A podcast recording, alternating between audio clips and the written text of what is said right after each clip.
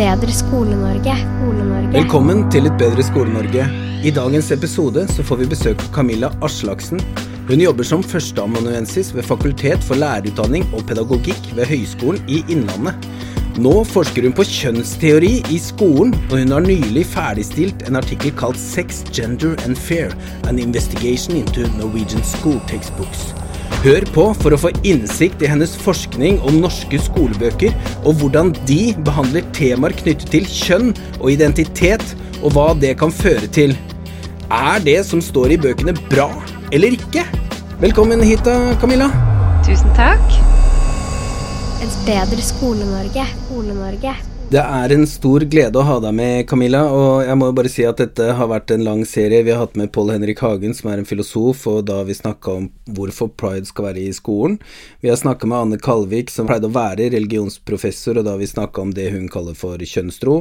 Vi har hatt med Espen Esti Pirelli Benestad, som jo er pensjonert eh, sexolog og professor. I tillegg så har vi snakka med Sonja Arisland, som eh, var en lektor som ble varsla på, og hun var også aktiv da et eh, opplegg måtte flyttes fra Kulturhuset fordi det mangla en motstemme, ifølge Kulturhuset. Nå skal vi snakke med deg, og du har jo forska på hvordan eh, kjønn og kjønnsidentitet bl.a. blir fremstilt i fem norske lærebøker etter fagfornyelsen. Før vi setter i gang med det, kan du fortelle litt om hvorfor du har gjennomført dette forskningsprosjektet? Det er jo at det har stadig de siste par årene vært en rekke lærere særlig, og foreldre som har varslet om ting de har funnet bekymringsfullt med undervisningen i sine skoler. Og det er varslinger i form av leserinnlegg, som det har vært en rekke av. På Twitter hører vi om foreldre som har barn som kommer hjem og sier at i dag eh, lærte vi på skolen at det finnes syv kjønn. Og da jeg sa at det bare finnes to kjønn, så ble jeg irettesatt av læreren min. Og dette er jo ting som man lurer på. Hva, hva er det som skjer? Og dette er bakgrunnen for at jeg blir nysgjerrig på å gå videre inn og se hva sier faktisk lærebøkene da. Så dette er en, en studie begrenset til akkurat det. I Norge så har det jo vært et slags paradigmeskifte. altså Før så visste jo alle at det bare fantes to kjønn, men nå så har det endra seg. Og det er jo særlig sånn at dette har blitt nedfelt i lov, lovverk også, og da tenker jeg særlig på loven om juridisk kjønn fra 2016. altså I tillegg så har det jo blitt dekning i hatparagrafen for at uh, altså folk med med en opplevd kjønnsidentitet er beskytta fra hatytringer. Og det er altså sånn at det har kommet mye innvirkning på skolebøker og læreplaner, og dette har på mange måter utfordra læreres evne til å diskutere kjønn og kunnskap om mennesket i klasserommet. Og det virker som også elevene, kanskje litt pga. sosiale medier og at man nå ikke stå like fritt lenger til å, til å, bare tenke fritt, fordi man er redde for at det skal bli filma eller tatt opp, eller ikke vet jeg. Men det er akkurat som balansen mellom kritisk tenkning og forskningsbasert kunnskap har blitt litt flytta på, eller endra. Hva, hva tenker du om det her? Altså Norge har jo egentlig vært et foregangsland når det gjelder kunnskapsbasert seksualundervisning. Og det er mye takket en tidlig og kraftig og kunnskapsbasert kvinnebevegelse, faktisk. De var altså veldig viktige for å rydde plass for at særlig jenter gjaldt jo dette. Og det var jo kjempeviktig før man hadde god prevensjon osv. Og informere jenter om hvordan de kunne ta vare på seg selv. Og det er det jo fremdeles. Det er jo kjempeviktig. Og så er det jo sånn at uh, mennesket er et pattedyr med to kjønn som har vært helt avgjørende i seleksjon og utvikling av de vi er i dag. Og det er ikke endret på. Uansett hva vi vil kalle det, så er det fremdeles sånn at det er sånn det fungerer. Og alle mennesker på jorda er kommet fra en, et mors liv. Så dette her er jo veldig, veldig viktig å huske på. Men også så er dette viktig fordi kjønn betyr noe. Kjønn betyr noe for alle mennesker om du er homo, om du er trans, om du er kvinne, mann, ung, gammel, så betyr det noe. Det betyr forskjellig for ulike mennesker og i ulike samfunn, og det betyr mer i noen samfunn der det f.eks. er stor grad av kvinneundertrykking, enn i et norsk samfunn der vi har stor grad av kjønnslikestilling. Men det betyr noe i norsk samfunn også. Det betyr noe i sport. Det betyr noe i områder der kvinner og jenter er sårbare. Det betyr veldig mye i ungdomsårene, der dette slår inn, eh, i den forstand at jenter og gutter da på en måte tar to ulike veier i, i sin utvikling. Ikke bare to, to, veier, det er mye som er likt også, men det er store forskjeller i hvordan jenter og gutter gjennomgår pubertet og opplever pubertet. Og hvordan de blir møtt sosialt gjennom og etter pubertet. Sånn at um, kjønn betyr noe i alle samfunn og for alle mennesker. Det er mitt utgangspunkt. Og jeg vil tro at det er veldig få som er uenig med meg i at dette er viktig å kommunisere til barn. Men her er vi nå ved det som jeg har um, sett da, i disse skolebøkene. at altså jeg mener hvis, hvis, disse skolebøkene som jeg har sett på, legges til grunn for seksualundervisningen, så mener jeg at vi har gått tilbake fra å ha en god, grundig seksualundervisning. Sikkert kunne den blitt bedre. Alt kan bli bedre. Men med at kjønnsidentitetsideologi har kommet inn i denne undervisningen, så mener jeg at vi eh, står i fare for å muligens svikte vårt eh, oppdrag, nemlig å gi god seksualundervisning, god undervisning om hva kjønn er i et menneskeliv. Kan du bare utdype litt mer om hva du mener samfunnet bør være enige om i formidlingen av eh, ting til barn når det gjelder kjønn? Hvis vi plutselig endrer alle måtene vi formidler ting til barn på, og innholdet vi formidler ting til barn, så må vi jo være enige som samfunn at dette er en bedre måte å se på mennesker på. Og noe av det mest radikale materialet som jeg har sett på, innebærer jo å slutte å snakke om jenter og gutter, menn og kvinner som biologiske vesener i det hele tatt, fordi dette er sosiale konstruksjoner som skader mennesker. Og til å snakke om menn og kvinner som identiteter. Uten at det blir veldig veldig klart hva det egentlig skulle være. da. Fordi det er veldig vanskelig å snakke om menn og kvinner uten i det hele tatt å knytte det til kroppen, med mindre vi snakker om kjønnsstereotypi. Og dette er jo et stort problem i denne nye måten å se på kjønn på. At det er egentlig en sirkeldefinisjon som ligger til grunn her. Fordi hvis man ikke har en klar definisjon hva f.eks. en kvinne er, så er det veldig vanskelig å si hva det er å føle seg som en kvinne. Og hvis det ikke har noe med kroppen å gjøre, så er det veldig vanskelig å snakke om det som noe annet enn kjønnsstereotypi. Altså klesstil, høye hæler, skjørt, ikke skjørt. Mm. Det er egentlig der det vi ender opp med. Du har utforska fem forskjellige lærebøker, og da snakker vi om Aschhaus Arena 5 for samfunnsfag og Solaris 3 og 4 for naturfag. Du har også sjekka ut eh, Gyldendals Refleks 7 for naturfag og Refleks for samfunnsfag, og i tillegg så har du tatt for deg Cappelen Dams lærebok for naturfag. Sånn at alle de store forlagene har du henta bøker fra. Kan du fortelle litt mer om hvordan du har gått fram når du har gjort denne eh, analysen av, av lærebøkene? Ja, altså Jeg er jo egentlig litteratur- og bokhistoriker. Eh, sånn at eh, det jeg har gjort, er en egentlig innholdsanalyse, retorisk analyse. Jeg har også sett litt på det som heter ikonografi, altså sammenheng mellom verbaltekst og bilder. Men med bakgrunn i egentlig hva det læreplanen vil at barn og elever skal kunne og lære. Det jeg har lagt merke til da, er jo bl.a. at dette ordet kjønnsidentitet det forekommer jo kun ett sted i læreplanen. Og det forekommer jo sammen med i forbindelse med naturfag og i forbindelse med eh, lære om reproduksjon og kjønn. Sånn at eh, det er ingenting som tilsier at kjønnsidentitet her, sånn som det står, skulle handle om å være født i feil kropp eller ha et annet eh, kjønn enn det du var tilskrevet før fødsel, eller denne type fraser som nå er blitt vanlige. Det kan like godt handle om identitetsutvikling, som er faktisk et veldig sentralt punkt i læreplanen. Altså Identitetsutvikling det er jo sentralt når vi snakker om barn. Og dette her er jo noe som skjer i forbindelse med i relasjon til familie og andre grupper. Så dannes jo en opplevelse av identitet. Vi snakker om nasjonal identitet, vi snakker om gruppeidentiteter. Vi snakker om identitet som sant, Hvis du driver med idrett, så er det en identitet. Sånn at identitet er jo noe dynamisk som utvikles i barnet i takt med modenhet og i takt med ulike relasjoner barnet går inn i. Og jeg vil jo si at eh, det fortsetter jo inn i voksenlivet. Vi kan jo inngå i masse ulike sammenhenger der vi opplever identitet og sammenheng sosialt. Så denne forestillingen om kjønnsidentitet som jeg snakket om tidligere, som skulle være medfødt og uforanderlig, bryter med alt annet vi tenker om kjønnsidentitet og identitet i det hele tatt. Jeg har vært litt fascinert av det fenomenet, fordi det har kommet liksom litt som en komet inn i skolen, og jeg er jo innmari interessert i hvordan vi kan gjøre skolen bedre, sånn at jeg har liksom hatt en egen agenda der og forsket litt på det. Og etter å ha lest meg litt opp, så har jeg funnet ut at uh, egentlig Foreningen FRI har uh, eh, jobba opp mot forlagene og tilbudt veiledning eller sånn, og så når man lager en læreplan, så er det en viss runde man tar. Altså man, man kjører innspillsrunder, man har en komité, komiteen har satt sammen av ulike folk osv. Men så var det sånn at det her med kjønn og kjønnsidentitet kom ikke med.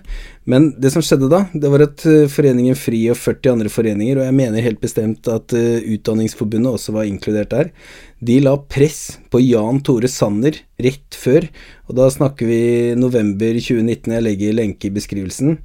Sånn at egentlig blei altså den læreplanen som skal handle om demokrati og sånn, den blei endra på en udemokratisk måte som følge av lobbyisme og press.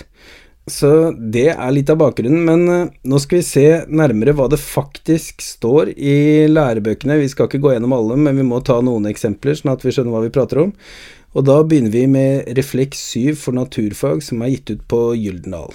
Altså, denne teksten her, den har overskrift 'Kjønnsidentitet handler om hva du føler'. Og jeg kan lese et utdrag derfra, fordi det som er veldig krevende her, er at uh, overskriften er kjønnsidentitet, men det skjer noe da i løpet av teksten der vi ikke lenger vet om vi snakker om kjønn eller kjønnsidentitet. Altså, dette her er et gjentagende problem i disse lærebøkene. At kjønn og kjønnsidentitet, disse to begrepene som egentlig er to forskjellige ting, de blandes, og man klarer ikke å holde de fra hverandre. Man skjønner på et tidspunkt ikke hva egentlig det er snakk om.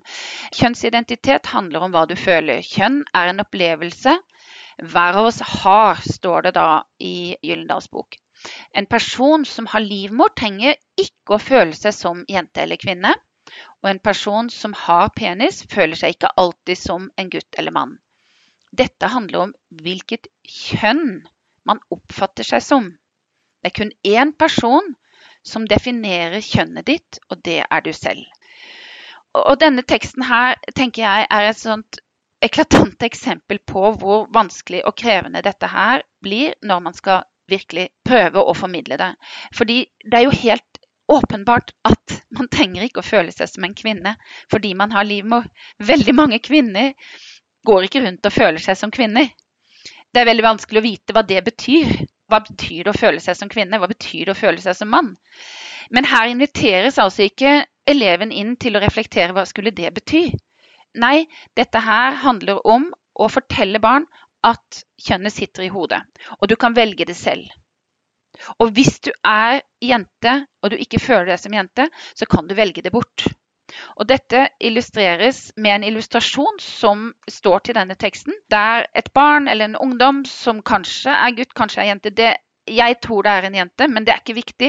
Men vedkommende har et, en lapp der det står 'female'.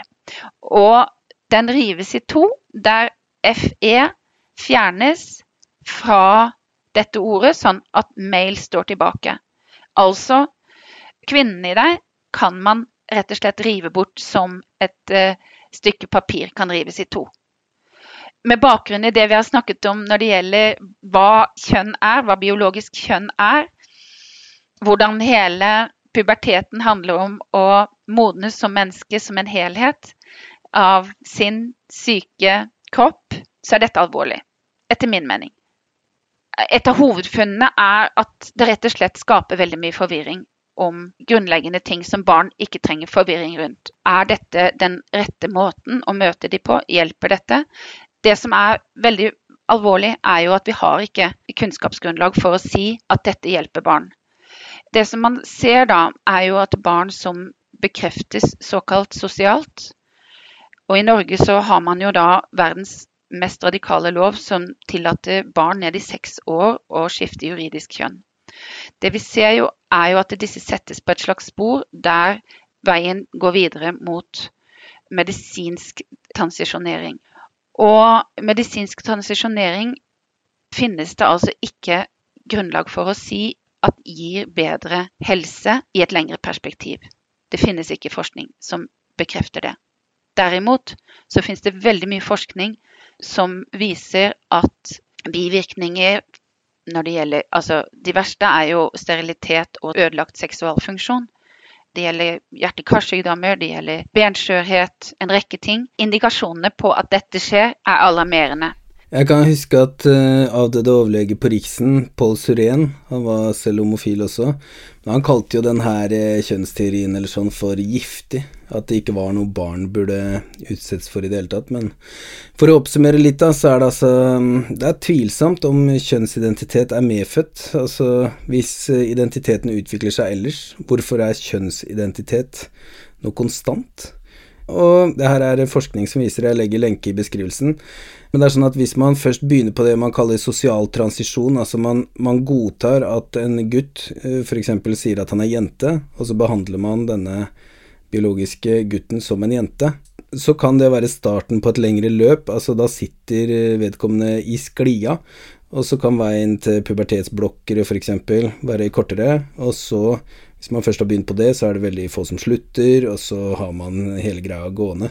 Derfor har de i England så har de gått vekk fra sosial transisjon. Før så kunne jo lærere Det var annet en som mista jobben fordi han nekta å, å kalle en gutt for en jente. Men nå, så på systemnivå i England, så går de altså bort fra det. I Norge ser vi da ut til å gå motsatt vei, men hovedpoenget her er at det er altså manglende forskningsgrunnlag for behandlinger og modeller som skolebøker legger fram. Hva er egentlig hovedkonklusjonen i forskningsartikkelen, Camilla? Det mest alvorlige her er at disse tekstene bidrar til ikke åpenhet, men til det motsatte av åpenhet. Det er godt mulig at vi skal snakke med barn og unge om disse ideene, for de har jo fått stort uh, gjennomslag. Sånn at vi skal jo ikke si at ikke disse ideene finnes. Men jeg syns det er veldig alvorlig at de presenteres uten diskusjon. Noe av dette jeg har sett på disse bøkene, hvordan tekstene er supplert med symboler fra aktivistorganisasjoner, med flagg, med bokser der man skal pugge en rekke nyord som cis-kjønn, transkjønn osv. At alle har plikt til å bruke pronomen etter ønske. Dette syns jeg er alvorlig. Jeg tenker at Man må gjerne bruke pronomen etter ønske, men det må være ut fra enhvers høflighet og ønske om å, å være vennlig. Jeg syns ikke man skal pålegge barn å bruke hunnkjønnspronomen om en person som åpenbart er en mann, vi pålegger da barn å handle i strid med sine, sin persepsjon. Dette med kjønn hos mennesker er noe barn lærer veldig veldig tidlig og gjenkjenner veldig veldig tidlig. Så vi forteller de da at det du gjenkjenner, det skal du undertrykke og ikke snakke om av hensyn til f.eks. en voksen person. Da, hvis det er en voksen person som forlanger at barna skal bruke visse pronomen om dem. Sånn at eh, Det som jeg egentlig bare konkluderer med, da, er at her må vi være forsiktige. Vi må åpne for den granskende og spørrende holdningen som vi ønsker hos barn. Det pålegger læreplanen med oss på et overordnet nivå, og dette er viktig. Og så er det sånn at uh, når det gjelder dette med å tenke seg som det motsatte kjønn, så er det jo sikkert sånn at det kan gi lindring. Og det kan være sant på et uh, trosnivå, som Anne Kalvik snakker om f.eks. Eller man kan tenke seg det som en fiksjon. Men man kan ikke tvinge andre til å delta i denne trosformen eller denne fiksjonen som man lever ut. Det kan man ikke tvinge andre til. Og i hvert fall ikke barn. Jeg syns liksom det er så rart at uh, det virker så uproblematisk at man kan skifte kjønn. Det er bare sånn ah, Jeg mener ikke å si noe galt nå, men det virker så rosenrødt. Det er litt sånn Legene trodde jeg var, eh, var, jente, men jeg er gutt. Altså, Man snakker liksom ikke om, om all kirurgien, alle hormonene. For å ta noen eksempler som er litt utafor, så vet jeg om en mann som fikk eh, Han fikk tre unger med kona si før han var 24, og da var han så sliten at han dro til legen, og så sa han jeg må bare bli sterilisert. Og den gangen så gikk det, men siden har det blitt 25-årsgrense. Og det er vel sikkert fordi hjernen ikke er fullt ut utvikla før man er 25. Og jeg tror de fleste syns det resonnerer, altså man skjønner hvorfor det er 25-årsgrense på sterilisering. Et annet eksempel kunne jo vært hvis det var en jente i klassen til ungen min, da, som kom fra en annen kultur, og så hvis hvis de plutselig skulle dratt til et annet land for at hun skulle bli omskjært, så hadde jeg reagert veldig kraftig på det. Og det tror jeg veldig mange andre hadde gjort også. Og da hadde jo begrunnelsen helt klart vært kultur eller religion. Det er akkurat som her, når det kommer til at veldig unge barn skal begynne på pubertetsblokker eller sånne ting, så er det akkurat som at vi godtar det fordi vi godtar et premiss som er noe sånt som at de er født i feil kropp, eller Men samtidig blir det jo livslange pasienter og må gå på Man gjør friske kropper til livslange pasienter. Mye forskning viser at de som opplever kjønnsdysfori i tenårene, faller til ro i sitt biologiske kjønn når de blir eldre. Altså 80-95 leser jeg om. Så for meg så minner faktisk det her mer om en religion, at man, vi tror så utrolig mye på den opplevelsen noen har i puberteten, som er et hormonelt kjør. Og jeg må bare si, før jeg blir kalt transfob og alt mulig, så grunnen til at jeg tar opp det her, er fordi jeg ønsker å tenke føre var-prinsippet for sårbare barn med underliggende diagnoser. Jeg ønsker bare at de skal få det best mulig. Det er akkurat som hvis du snakker om det her, så du skal ha en skjult agenda. Jeg har ikke noe annen skjult agenda enn at jeg hører lærere snakke om at de ser folk som sannsynligvis har underliggende diagnoser. De tror kanskje de er født i feil kropp og sånt. Og hvis vi som voksne personer bidrar videre inn i det her, så er jeg veldig bekymra. Men jeg er vi litt tilbake til lærebøkene, Camilla? Kan vi snakke litt mer om hva som egentlig står der? Jo, jeg så jo på hvordan konkret en del av disse eh, framstiller forestillingen om hva en gutt og en jente er, og spesielt når det kommer til det man kaller tans. Da. Og det som er alvorlig her, er jo at eh, på den ene siden, og nå snakker jeg helt konkret, på den ene boksiden så presenteres det problemstillings kjønnsstereotypier for barn. Og der man oppfordrer barn til å utforske ja, men trenger jenter gjøre sånn og sånn? Kan ikke gutter gå i kjole? Hva er problemet med det, liksom? Og dette er jo ting vi vet at vi må jobbe med for at uh, gutter som kanskje har et mindre typisk uttrykk enn det flertallet av guttene har, må få lov til å være gutt på den måten de er. Det er kjempeviktig. Men på neste bokside, i Refleks, så har vi først dette om ødeleggende kjønnsstereotypier, men på neste side så presenteres en uh, ganske kjent uh, person som heter Emma Ellingsen. Det er jo en transperson.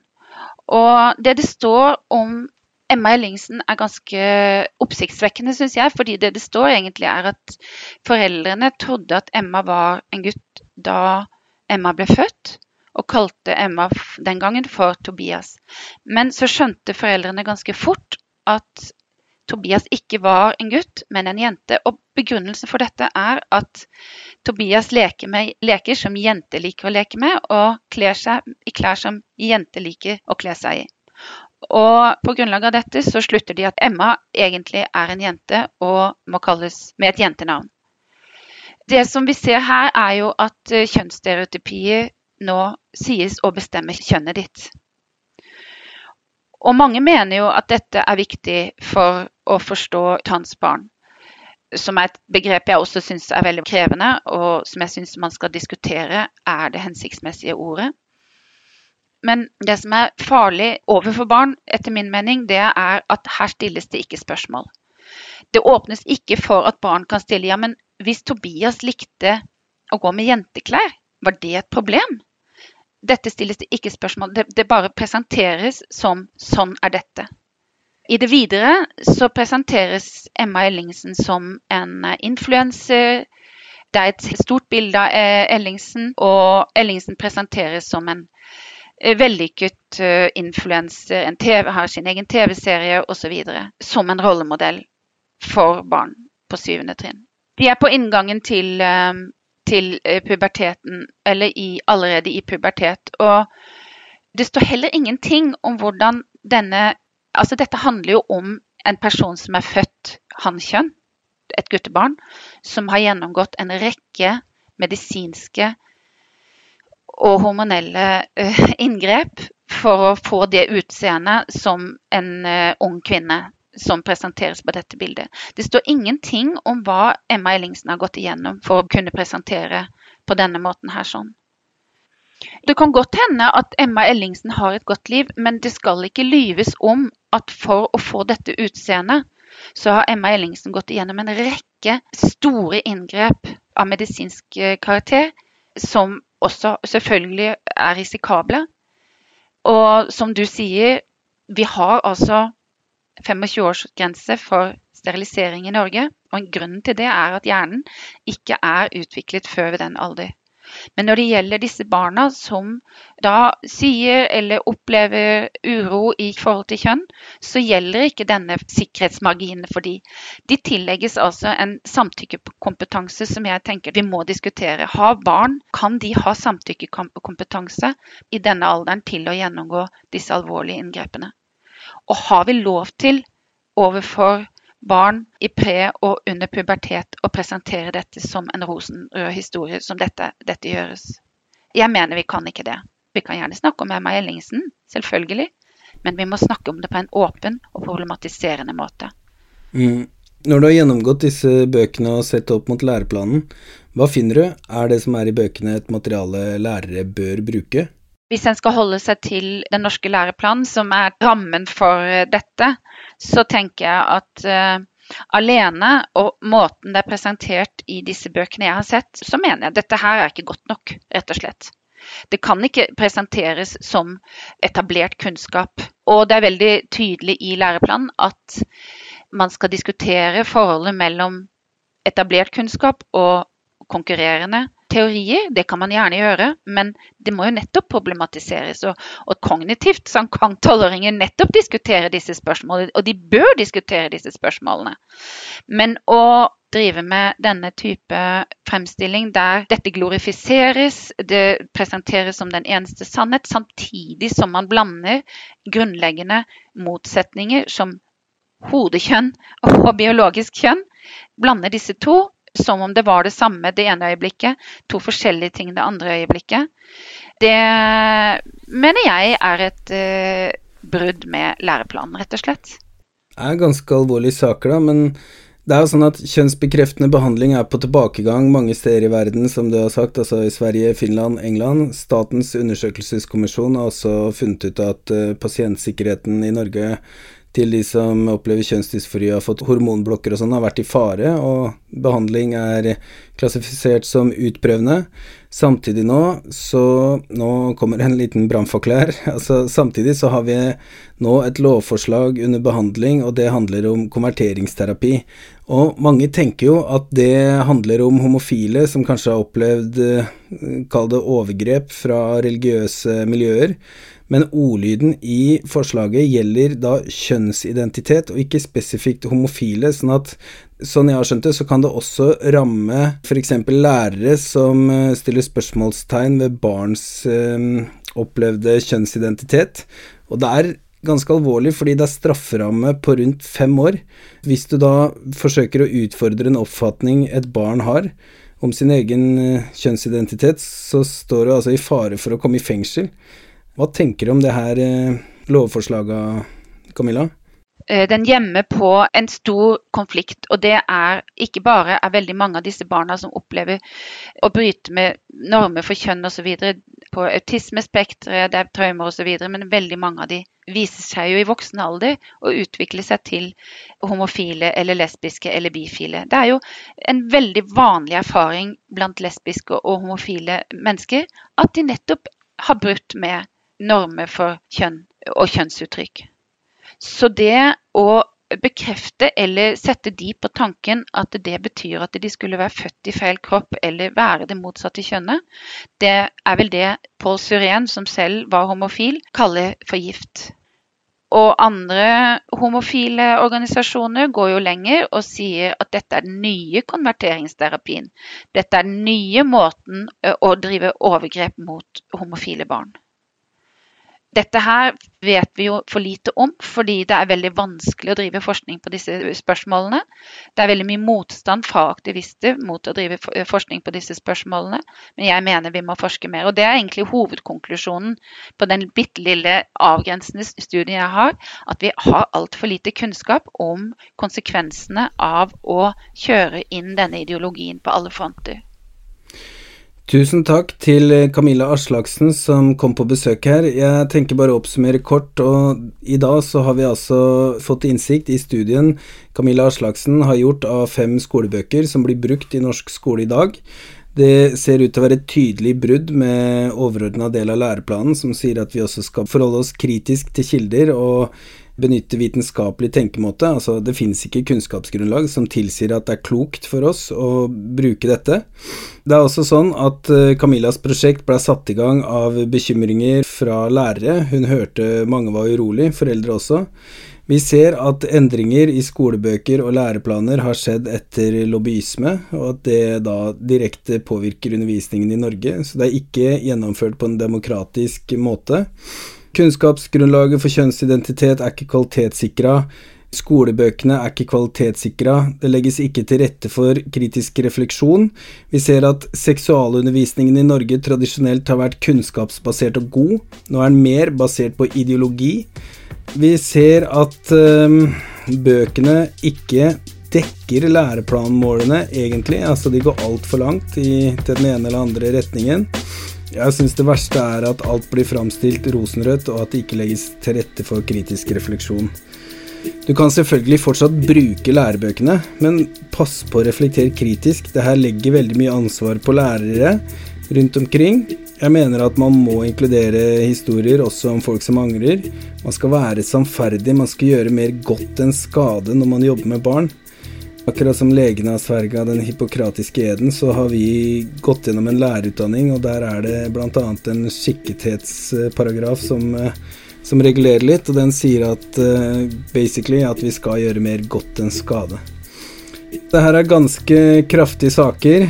Det her er et bedre Skole-Norge. Vi tør å ta opp ting. Jeg mener vi bare må kjøre på og søke etter sannheten. Det her er ikke noe å tulle med. Altså, barn og unge er vår mest dyrebare ressurs. Vi skal også ta imot utsatte barn som bryter med normer og alt sånt.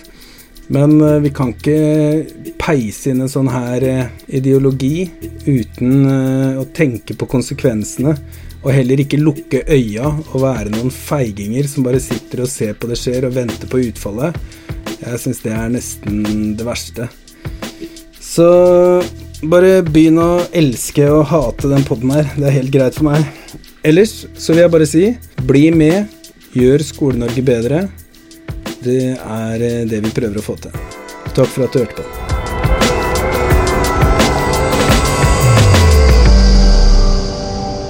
Et bedre Skole-Norge. Skole-Norge.